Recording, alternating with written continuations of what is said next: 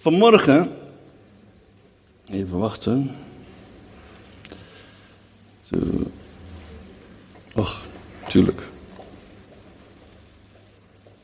Ik draai hem even om.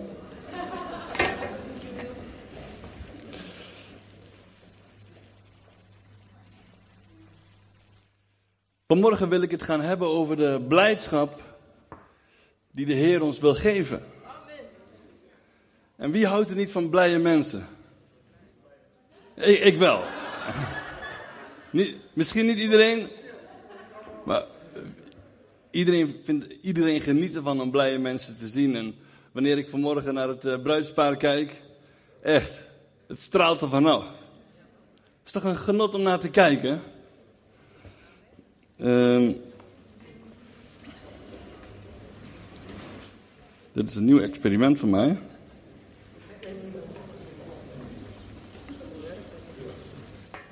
Maar nu kom ik toch wel achter een aantal dingetjes. Ik hou hem gewoon lekker in de hand.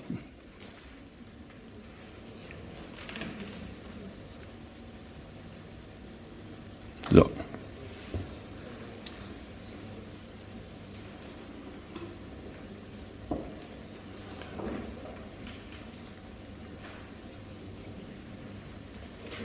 Oké. Oké, ik hou hem gewoon lekker in de hand. Um, Vanmorgen wil ik het dus gaan hebben over de blijdschap van de Heer.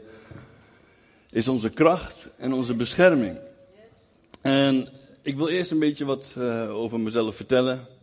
Um, ehm, 17 september. Sommigen weten het al. Ik denk dat een heleboel het nog niet weten. Maar 17 september uh, moet ik weer een uh, hele grote operatie ondergaan. Met alle risico's die erbij komen kijken. Ze gaan nu het onderste deel van mijn aorta gaan ze vervangen. Dus uh, we hebben een hele goede hartchirurg in, uh, in het Radboud in Nijmegen. Die uh, een goede loodgieter is. En die gaat een nieuwe pijpleiding aanleggen. Ja, maar die operatie heeft allerlei risico's, menselijke wijs gesproken. En het herstel gaat echt wel een hele tijd in beslag nemen. zo ongeveer een half jaar tot een jaar. Dus dit is mijn laatste keer spreken voordat ik word geopereerd. En daarna zal ik echt wel eh, een paar maanden even uit de roulatie zijn. Maar het is een spannende tijd. Het is mijn uh, vijfde uh, soortgelijke operatie. Ik heb, uh, ik heb al vier openhartoperaties ondergaan. En ja, best wel pittige tijd, kan ik zeggen. En ik heb wel een aantal mensen gehad die me hebben gevraagd van... joh, maar Samuel, hoe, hoe kan het nou dat je zo positief blijft? Hoe kan het nou dat je blijft geloven? Hoe, hoe, hoe kan het nou dat je zo enthousiast over God blijft praten? En weet je, mijn geheim, wat geen geheim is, is, is wandelen met Jezus. Weet je, wanneer we, wanneer we Hem leren kennen, wanneer we naar Hem leren kijken, en, en we ontdekken wie Hij is. En, en, en dat de opstandingskracht waar Hij mee is opgestaan uit de dood. Waar Hij de dood mee overwonnen heeft. Waarmee Hij Satan tentoongesteld heeft. Die kracht woont in mij. Die kracht wandelt met mij. En niet alleen met mij, bij ieder die gelooft. Iedereen die de Heer Jezus heeft aangenomen. Man, die kracht woont in jou. Dus wanneer je met, problemen voor je, voor je neus hebt, wanneer omstandigheden moeilijk zijn, dan kun je ervoor kiezen om te kijken naar hoe moeilijk de omstandigheden zijn, maar je kunt er ook, uh, uh, je kunt ook uh, kiezen om te kijken naar hoe groot Jezus is. Want Jezus is veel groter, veel machtiger, veel krachtiger dan het probleem waarmee jij te maken hebt. Echt. Ik kan hierover getuigen. Het is niet mijn eerste keer dat ik door een wat moeilijkere fase heen ga. Mensen die me kennen weten dat ik daar ook gewoon wel kwetsbaar over ben. Ik ben niet iemand die altijd maar glorie, halleluja en alleen maar uh, mooie praatjes heb. Maar wat mij overeind houdt is wat ik vanmorgen ga delen. Die kracht die in ons woont. Die persoon, die Jezus die met mij wandelt. Waar ik achteraan loop als het ware. Hij is mijn kracht. Hij is mijn blijdschap. Hij is degene waar ik alles uithaal. Weet je, ik had vanmorgen, had ik een, terwijl ik daar zat, had ik een ingeving. Um, voor degenen die wel eens op social media zijn. Uh, soms heb je van die plaatjes van, uh, zo denken mijn collega's dat ik, uh, dat ik bezig ben. Zo zien mijn ouders me. En zo, zien, zo zie ik mijzelf. Wie kent ze? Je hebt van dat, dat soort plaatjes. Anyway. En het volgen van Jezus, kijk, dat, dat klinkt heel mooi en heel vroom en heel gaaf. Kijk, en ik heb zelf het idee, weet je wel, ken je zo'n plaatje met zo'n met zo'n uh, soldaat, zo'n warrior van zo'n actiefilm van yeah, ik ga achter Jezus aan, weet je wel. Dat is het idee wat ik zelf heb. Maar in de werkelijkheid, als je naar mij kijkt, dan zie je eigenlijk, wie heeft Bambi gezien? Bijna iedereen heeft een hele oude film, Bambi, heeft iedereen wel eens gezien. En wanneer Bambi net leert lopen, leert staan, is het heel, uh, geklungel. Nou, dat is de werkelijkheid. Ik, al stuntelend, al struikelend, al vallend ga ik achter Jezus aan. Maar ik ga achter hem aan. Amen. Weet je, het is als het ware, weet je, een, een, je hebt een vader en een kind wat net leert lopen. En dat kind dat gaat met papa aan de wandel. Joh, ik heb drie kinderen. Kinderen vallen vaak. Kinderen struikelen vaak, ze stoten vaak hun hoofd. Maar geef ik daarom minder om ze? Nee. Ik vind het fantastisch. Ik vind het heerlijk als, als mijn kinderen vrijwillig mijn hand vastpakken. Soms moet het gedwongen. Kom, meekomen nu. maar, maar weet je, zo is het ook. Wij mogen aan de hand van Jezus, mogen wij met hem meewandelen. Al struikelende, al vallende. En het mooie is, wij zijn misschien niet krachtig van onszelf, maar hij wil jouw kracht zijn.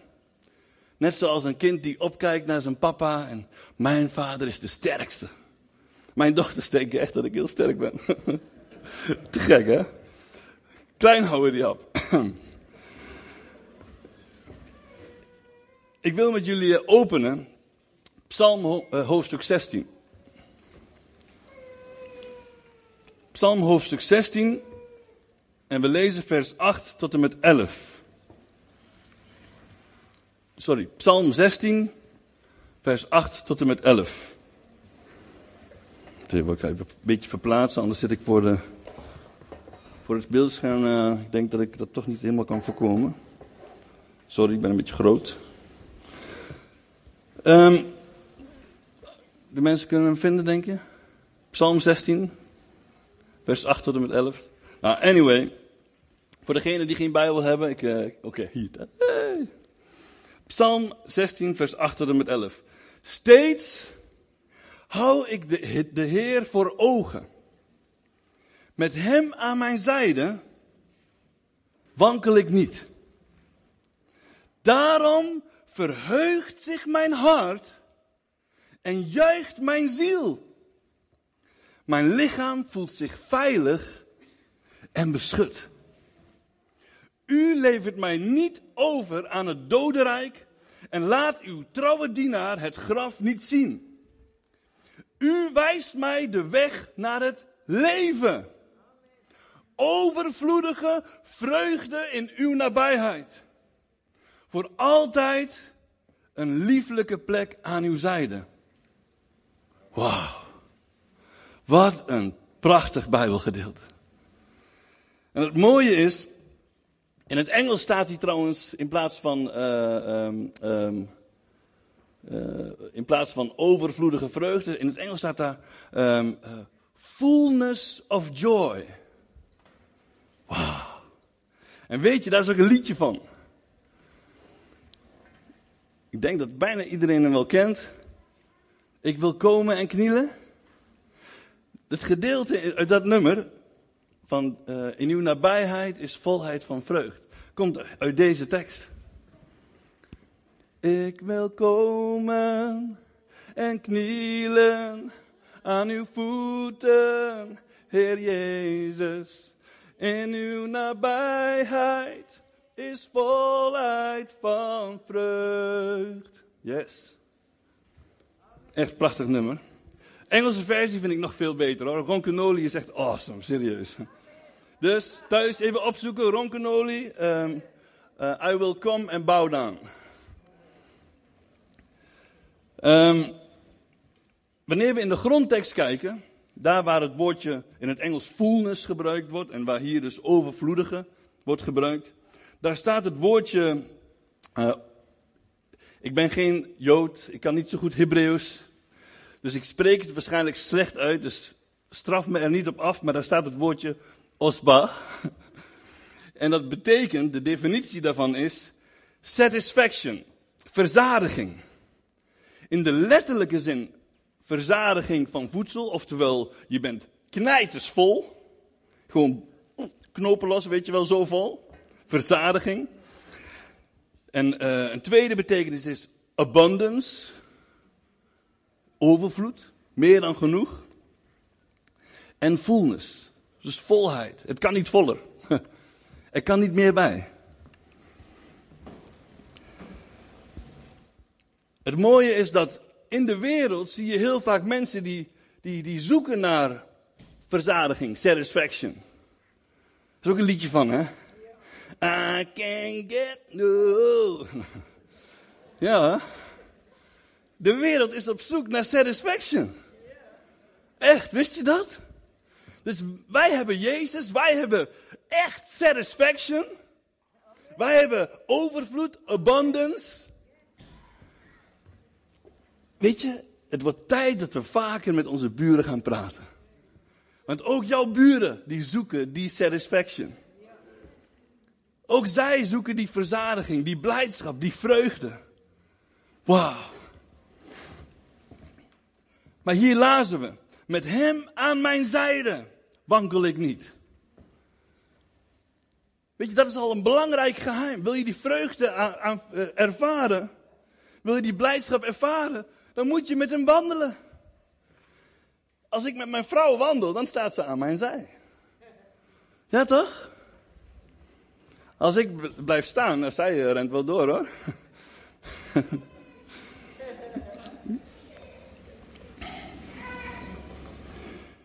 en het mooie vind ik gewoon van dat in zijn nabijheid, in zijn aanwezigheid, daar, daar is fullness, volheid van vreugde, blijdschap. Dus mijn belangrijkste geheim is dicht bij Jezus blijven. Met hem wandelen. En wat ik al zei, dat gaat soms met vallen en opstaan. Daar staat u wel heel moedig, hè, van met hem aan mijn zijde wankel ik niet. Maar dat is echt niet dankzij mezelf hoor. Hij tilt mij telkens weer op.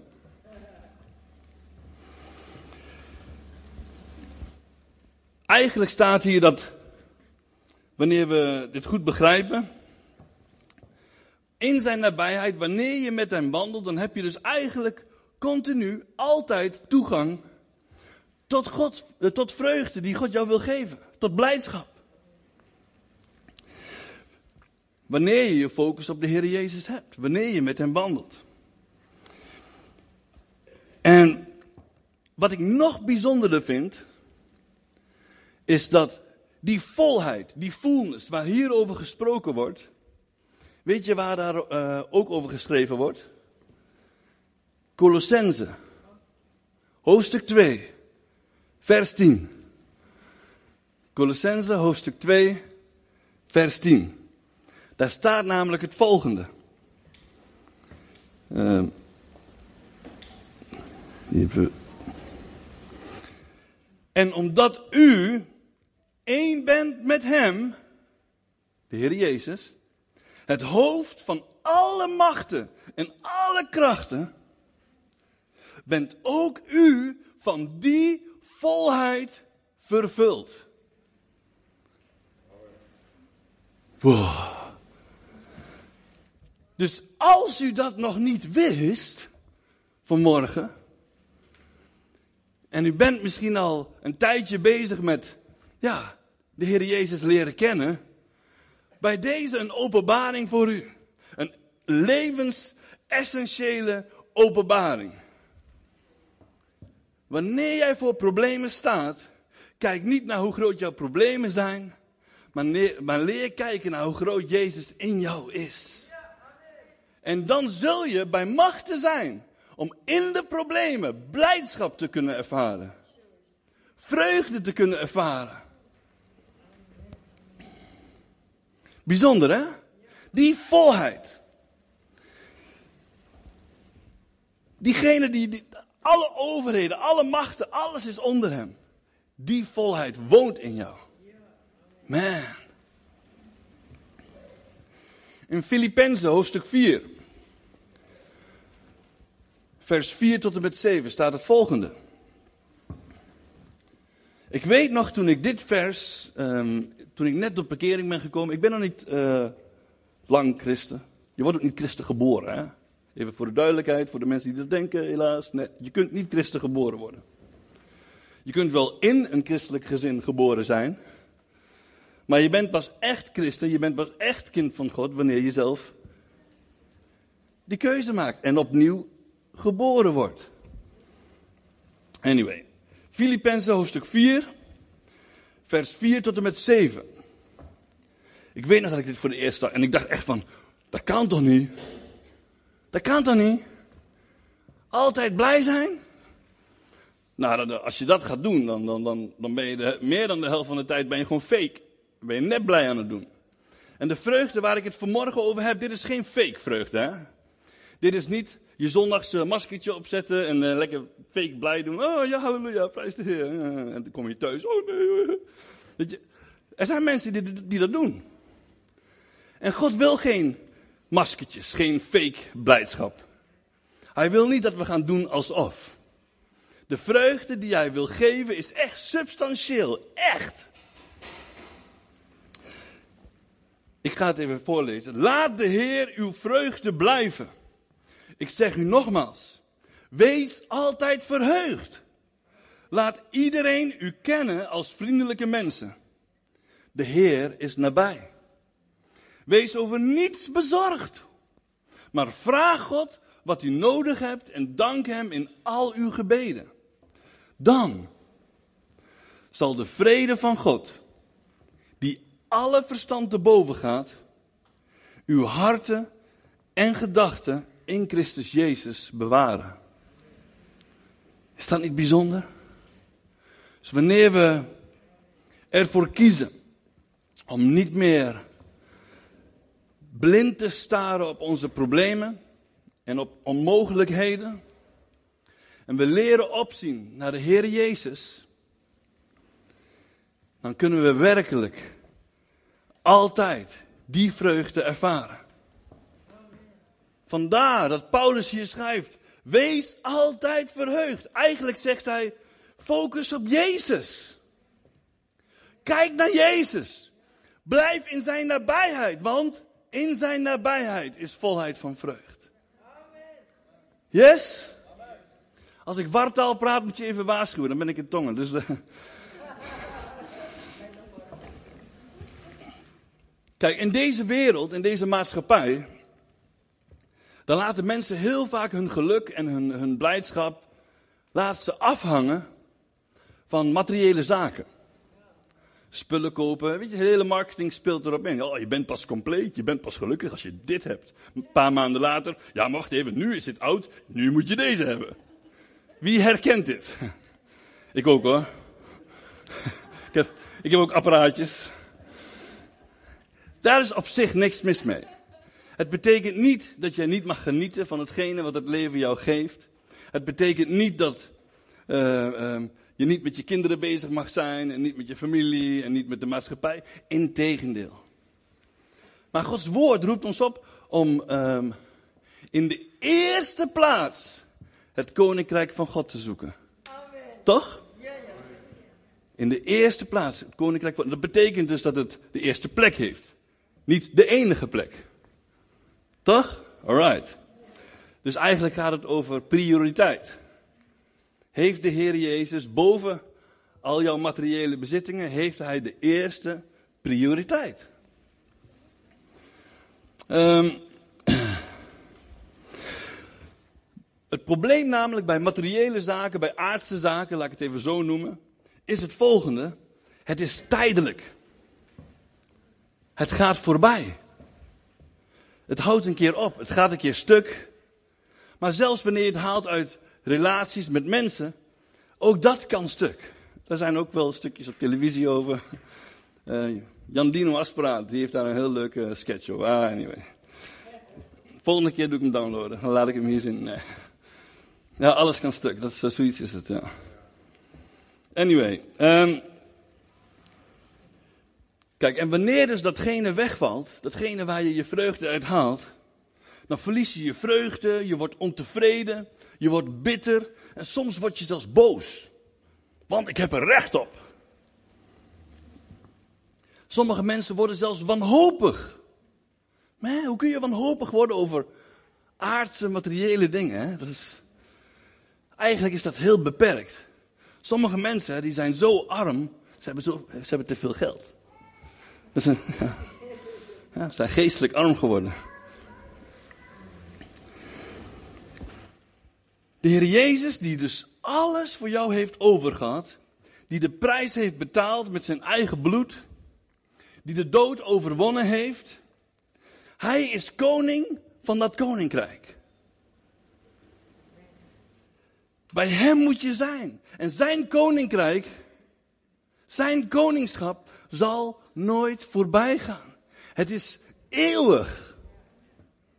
Al alle investeringen die je hier op aarde eh, kunt doen, kun je niet je dood meenemen. Alles wat je nu verzamelt, vergaart, bespaart, whatever. Je kunt het niet meenemen je graf in. Je kunt wel een mooie graf kopen, dat wel. Maar daar heb jij niet zoveel aan. Dat is voor je nabestaanden. Je kunt zelfs dat, die kist kun je niet meenemen. We lazen namelijk in uh, Psalm hoofdstuk 16. Um, u wijst mij de weg naar het leven. Overvloedige vreugde is in uw, in uw nabijheid. Voor altijd een lieflijke plek aan uw zijde. En altijd betekent eigenlijk ook eeuwig, een eeuwige plek aan uw zijde. Dit is de beste investering die jij kan doen. En die betaal je, met je door je eigen leven aan Hem te geven. Jezelf aan Hem over te geven.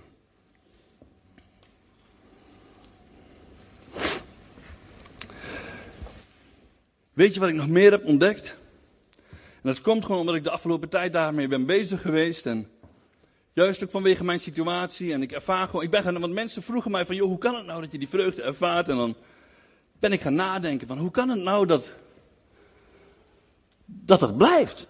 Dat ik dat zo blijf ervaren? Want ik, menselijke wijs gesproken kan ik best wel voorstellen dat mensen soms teleurgesteld raken of verdrietig zijn. Oh, dit heb ik niet verdiend. Weet je, ik kan me dat enigszins wel voorstellen. Maar weet je waar ik ben achtergekomen? Dat is een heel mooi geheim. Dat geheim gaan we nu, we gaan nu even schatgraven. Eh. Dat is heel leuk, hè? we gaan schatgraven. En uh, we gaan schatgraven in Nehemia. Nehemia hoofdstuk 8. Vers 9 tot en met 10.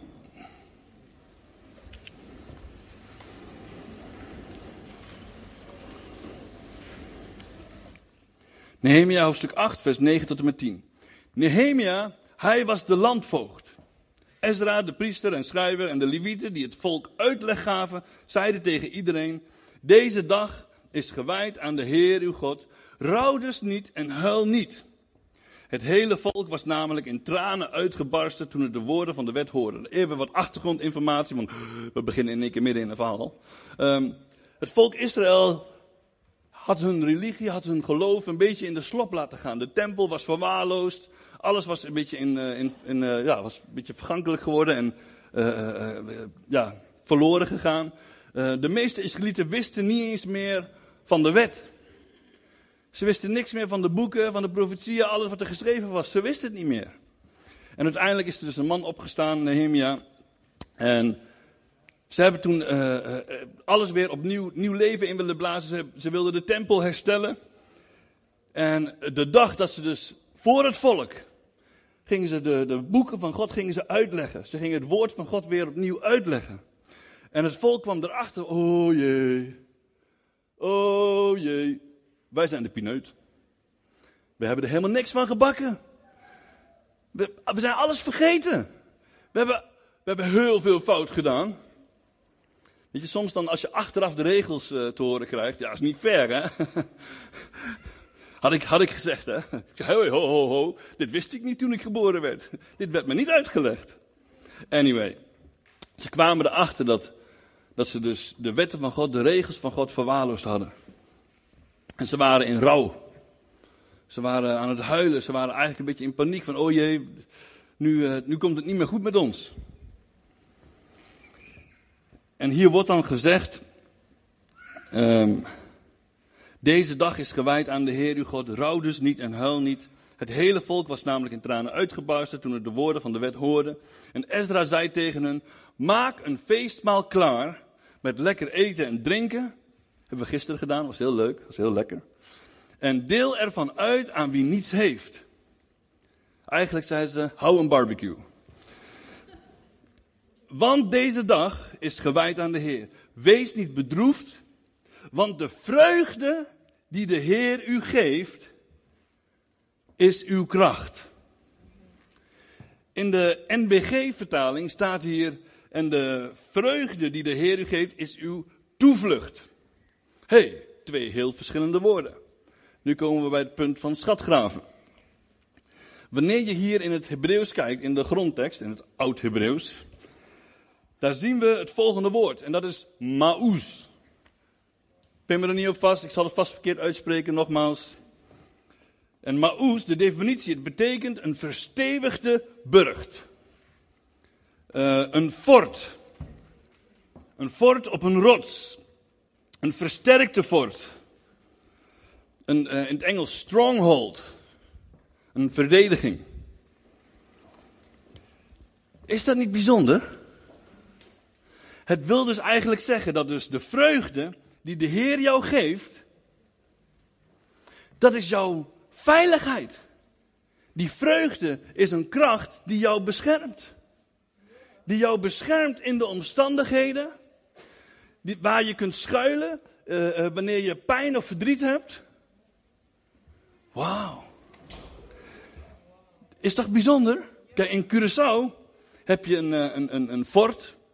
En die, dat is een, van, een heel mooi bewaard fort. Fort Bekenburg. Ik had wat foto's verzameld en die had, wou ik eigenlijk op een stikje meenemen. Ik ben een stikje vergeten. Anders hadden we nu allemaal foto's van Fort Bekenburg hier voorbij zien komen. Anyway, dat is een vork bij een baai. Bij de Caracasbaai. En een heel mooie baai. Echt prachtig. Azuurblauw zee. Ik heb er zes jaar gewoond voor de mensen die me niet kennen. En die fort heeft echt muren. Ik denk misschien wel meer dan één meter dik. Echt gewoon super dikke muren. En uh, het, het, toppunt van dat fort is een ronde toren. Echt een enorme ronde toren. Ook weer super dik. Dat, die toren bestaat ook deels, is, is deels ook gewoon massief. Met wat gangetjes erin. Enorme toren. Als je het ziet heb je al zoiets van... Oh, van uh, in die tijd dat hij nog functioneel was, had ik als vijand gedacht, we gaan dat eilandje wel voorbij. Weet je wel? Zo'n fort, van, van boom, een statement. Prachtig fort. En dat fort, weet je wat bijzonder? Het is gebouwd op een rots. Hey. Trouwens, eh, die maus, dat betekent, is een van de betekenissen, is ook rots. Dus de vreugde van de Heer, die wil als het ware een, een burcht zijn, een fort, een versterkt fort, op een rots. En wanneer de storm komt, en wanneer de vijand komt, jij zit veilig. Jij bent beschermd. En zo kan die vreugde jouzelf beschermen tegen jezelf, tegen de vijand, leugens van de vijand. Ja, ik zeg tegen mezelf, want weet je wat het is? Heel vaak denken we zelf van, oh zie je wel, ik kan het niet. Of er komen problemen op je pad en je denkt van, ja, nu is het voorbij. Ja, heel vaak zijn we, we kunnen ook onszelf, ons eigen vijand zijn, wist je dat? En onszelf naar beneden halen. Oh, ja, ik ben niet zo knap. Of, uh, ja, noem maar even. Iedereen heeft onzekerheden, toch? Maar in hem, je hoeft niet onzeker te zijn. Man, hij heeft zijn bloed uitgegoten voor jou. Hij heeft, jou, hij heeft een hele dure prijs betaald voor jou, omdat hij jou de moeite waard vindt. Hij vindt jou prachtig. Jij bent, in de letterlijk staat in de je bent kostbaar en hooggeschat in zijn ogen. En dan gaat, oh nee, ja, die pukkel. Oh. nee, oh, oh nee, kijk dan, hier, kijk die vetrollen. Hoe kijken we naar onszelf? Maar ik zeg je vanmorgen, God kijkt naar jou. als een mooie schepping. Jij bent zijn kind. En ik heb drie kinderen, ik heb het al gezegd, en ik ben vader dus. Ja, anders heb je geen kinderen. maar mijn kinderen zijn echt niet perfect. Maar denk je nou dat ik daardoor anders naar ze kijk? Mijn kinderen zijn de mooiste. En de knapste. En de beste. En de slimste. Ik ben trots op ze. Toch? Zo is een goede vader.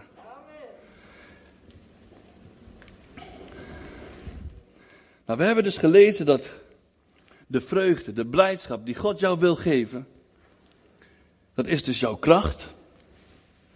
En het is de, de, plek waar jij kan schuilen. Het is een plek die jou beschermt. Daarom is het essentieel dat je in die vreugde blijft. Daarom, en dat hebben we al gelezen, dat Paulus heeft geschreven, uh, uh, uh, blijf altijd in die blijdschap. Ja?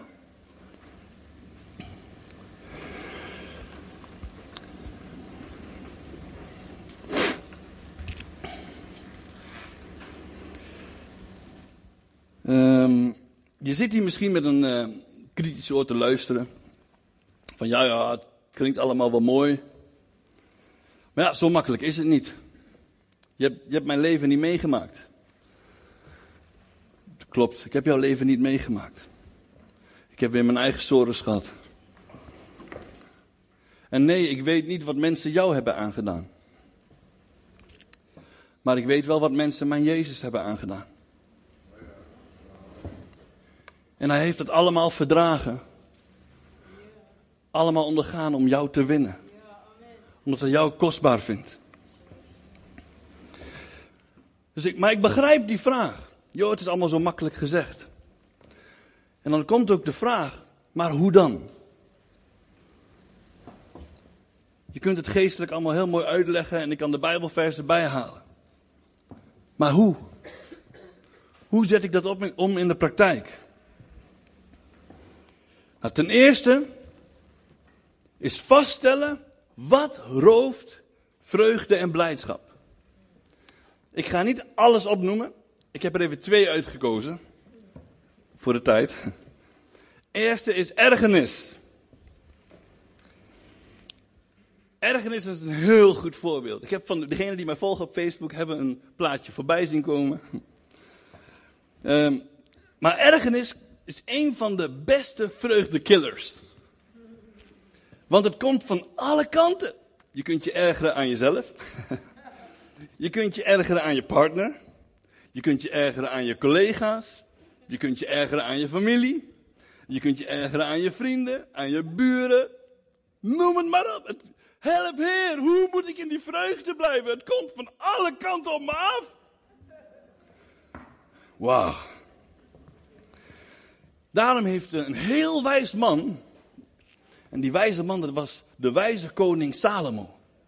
Weet je wat, die koning, de zoon van David, die vroeg om wijsheid en het kreeg. Die heeft echt bovennatuurlijke goddelijke wijsheid gekregen. En hij is achter een heel wijze uitspraak gekomen. En dat is het volgende. Prediker, hoofdstuk 7, vers 9. En ik lees hem even vanuit de herziene uh, statenvertaling. Want uh, in de NBV hebben ze niet veel van gebakken. Uh, in de NBV staat. Um, oh nee, dat is hem niet. Ja. Staat rusteloosheid. In elke andere Nederlandse vertaling staat hier ergernis. Zelfs ook in de Engelse vertalingen. Niet ergernis, maar een Engelse woord ervoor. Anyway, hier staat um, rusteloosheid. Maar, ik lees me even voor vanuit de herziene statenvertaling. Wees niet te snel geërgerd in uw geest.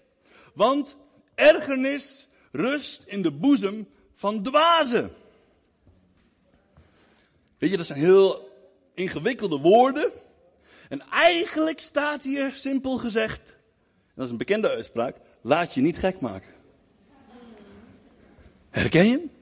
Dwazen, niet te snel geërgerd worden. Laat je niet gek maken.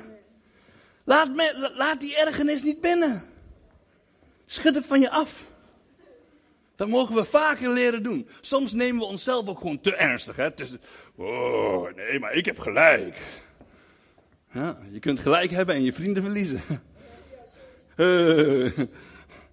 heb je een leuk feestje in je eentje. En laat ergernis niet binnen.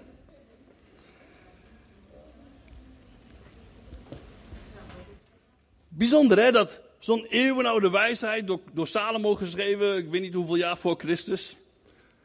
En wij gebruiken het vandaag ook. Laat je niet gek maken, joh. Laat je niet gek maken. Nog eentje. Zorgen maken. Dat is een tweede voorbeeld. Zorgen maken, man, oh man, wat kan dat jouw vreugde wegnemen? Je kent het ook hoor. Maar weet je wat ik doe met zorgen? Want zorgen die komen op je pad. Zorgen overkomen je. Maar hou je vast aan die zorgen. In de Bijbel staat, werp al je bekommernis op hem. Het mooie is dat ze gebruiken het woordje werp. Gooi het van je af. Gooi je zorgen weg. Naar Jezus. Weet je, want je kunt je zorgen maken, maar het verandert niks. Je kunt je zorgen maken, maar je kunt het niet veranderen, de situatie. Heel vaak hebben mensen die maken zich zorgen over iets, daar hebben ze totaal geen, geen grip op. En dan is het eigenlijk gewoon verspilde energie. Ik ga een voorbeeldje eh, halen uit, uit de Bijbel. Lucas, hoofdstuk 10. Lucas, hoofdstuk 10, vers 38 tot en met 42. Dit is het verhaal over uh, Maria en Martha. Lucas hoofdstuk 10, vers 38 tot en met 42. Toen ze verder, vertrokken, uh, toen ze verder trokken, ging hij een dorp in waar hij gastvrij werd ontvangen door een vrouw die Martha heette. Haar zuster Maria ging aan de voeten van de Heer Jezus zitten en luisterde naar zijn woorden. Maar Martha werd helemaal in beslag genomen door de zorg van haar gasten. En ze ging naar Jezus toe en ze zei: Heer, kan het u niet schelen dat mijn zus al het werk, uh, uh, mij al het werk alleen laat doen? Zeg tegen haar dat ze mij moet helpen. En de Heer zei tegen haar: Martha, Martha, je bent zo bezorgd en je maakt je veel te druk. Er is maar één ding noodzakelijk. En Maria heeft het beste deel gekozen. En dat zal niet van haar worden ontnomen. Bijzonder hè? Weet je wat, nou, wat jouw nummer één zorg moet zijn? Bij Jezus blijven. Maria deed dat. Maria wist. Oh, mijn grootste zorg. Dat wat nummer één prioriteit heeft. Ik moet bij Jezus zijn. Ik moet naar Jezus woorden luisteren. Bijzonder hè? We kunnen ons druk maken en denken dat we God dienen, God dienen maar niet met hem wandelen. Ja, dat is echt zo. Nogmaals, de Heer Jezus zegt, er is maar één ding noodzakelijk. En dat deel heeft Maria gekozen.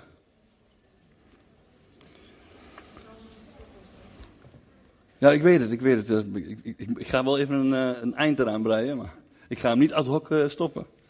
Het is een beetje uitgelopen, het komt niet per se door mij. Um, ik skip een stuk en ik ga naar twee handvaten. Twee handvaten om in de blijdschap van de Heer te kunnen blijven. Nummer 1, relatie. We hebben het al gelezen in Psalm hoofdstuk 16. He? Met hem aan mijn zijde.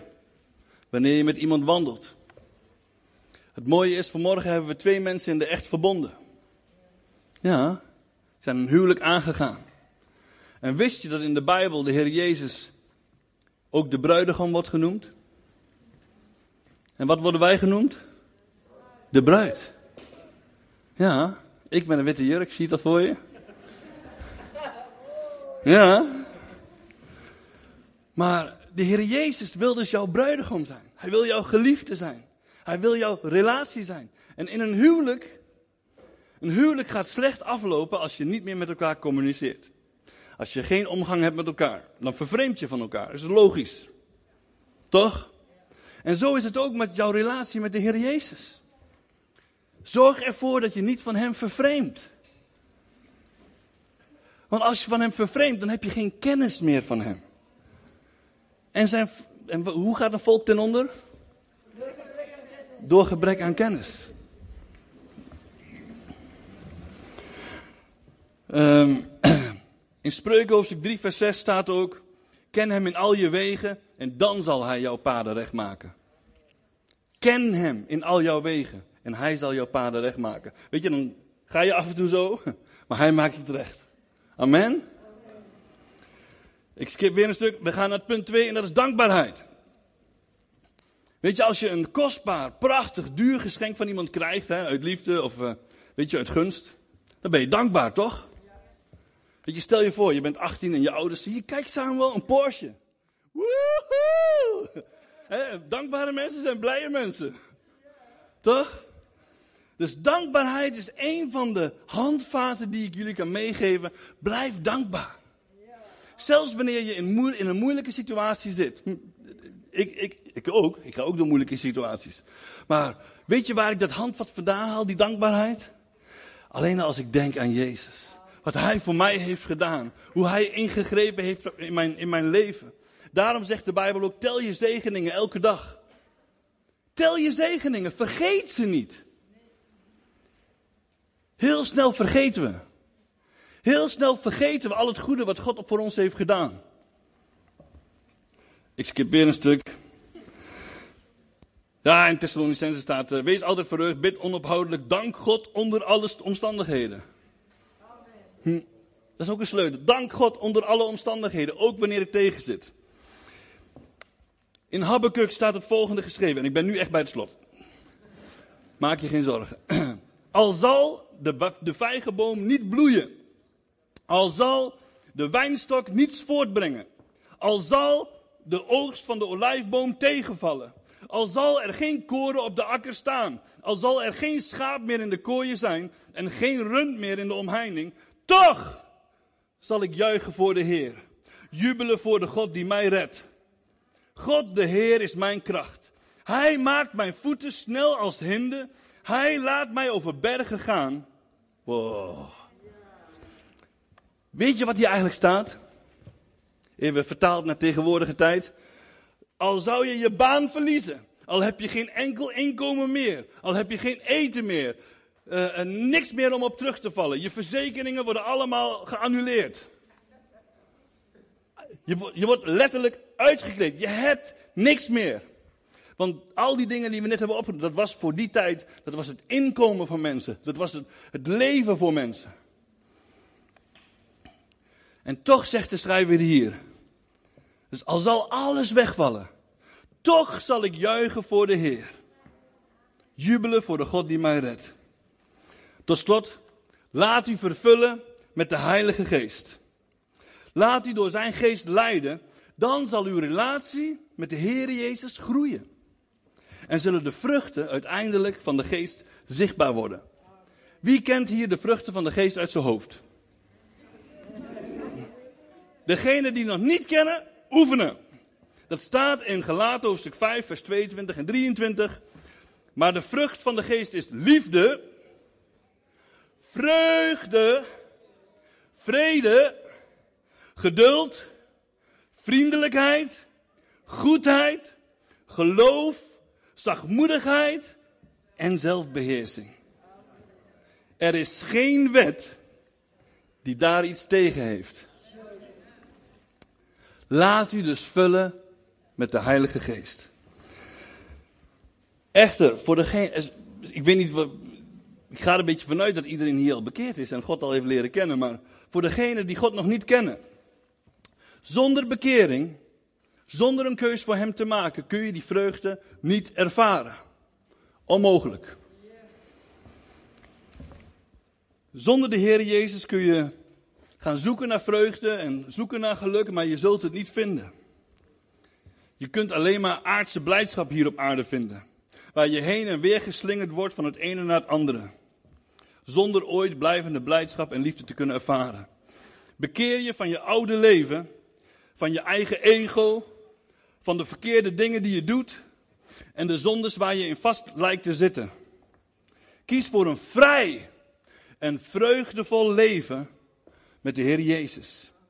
Hij alleen kan substantiële, blijvende blijdschap en liefde geven. Kies voor het leven. Kies voor Hem. God zegen. Sorry.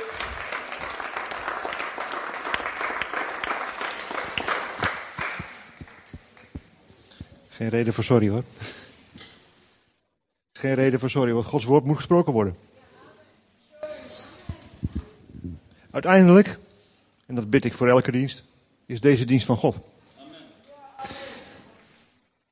En ik bid ook meestal, nou eigenlijk wel altijd,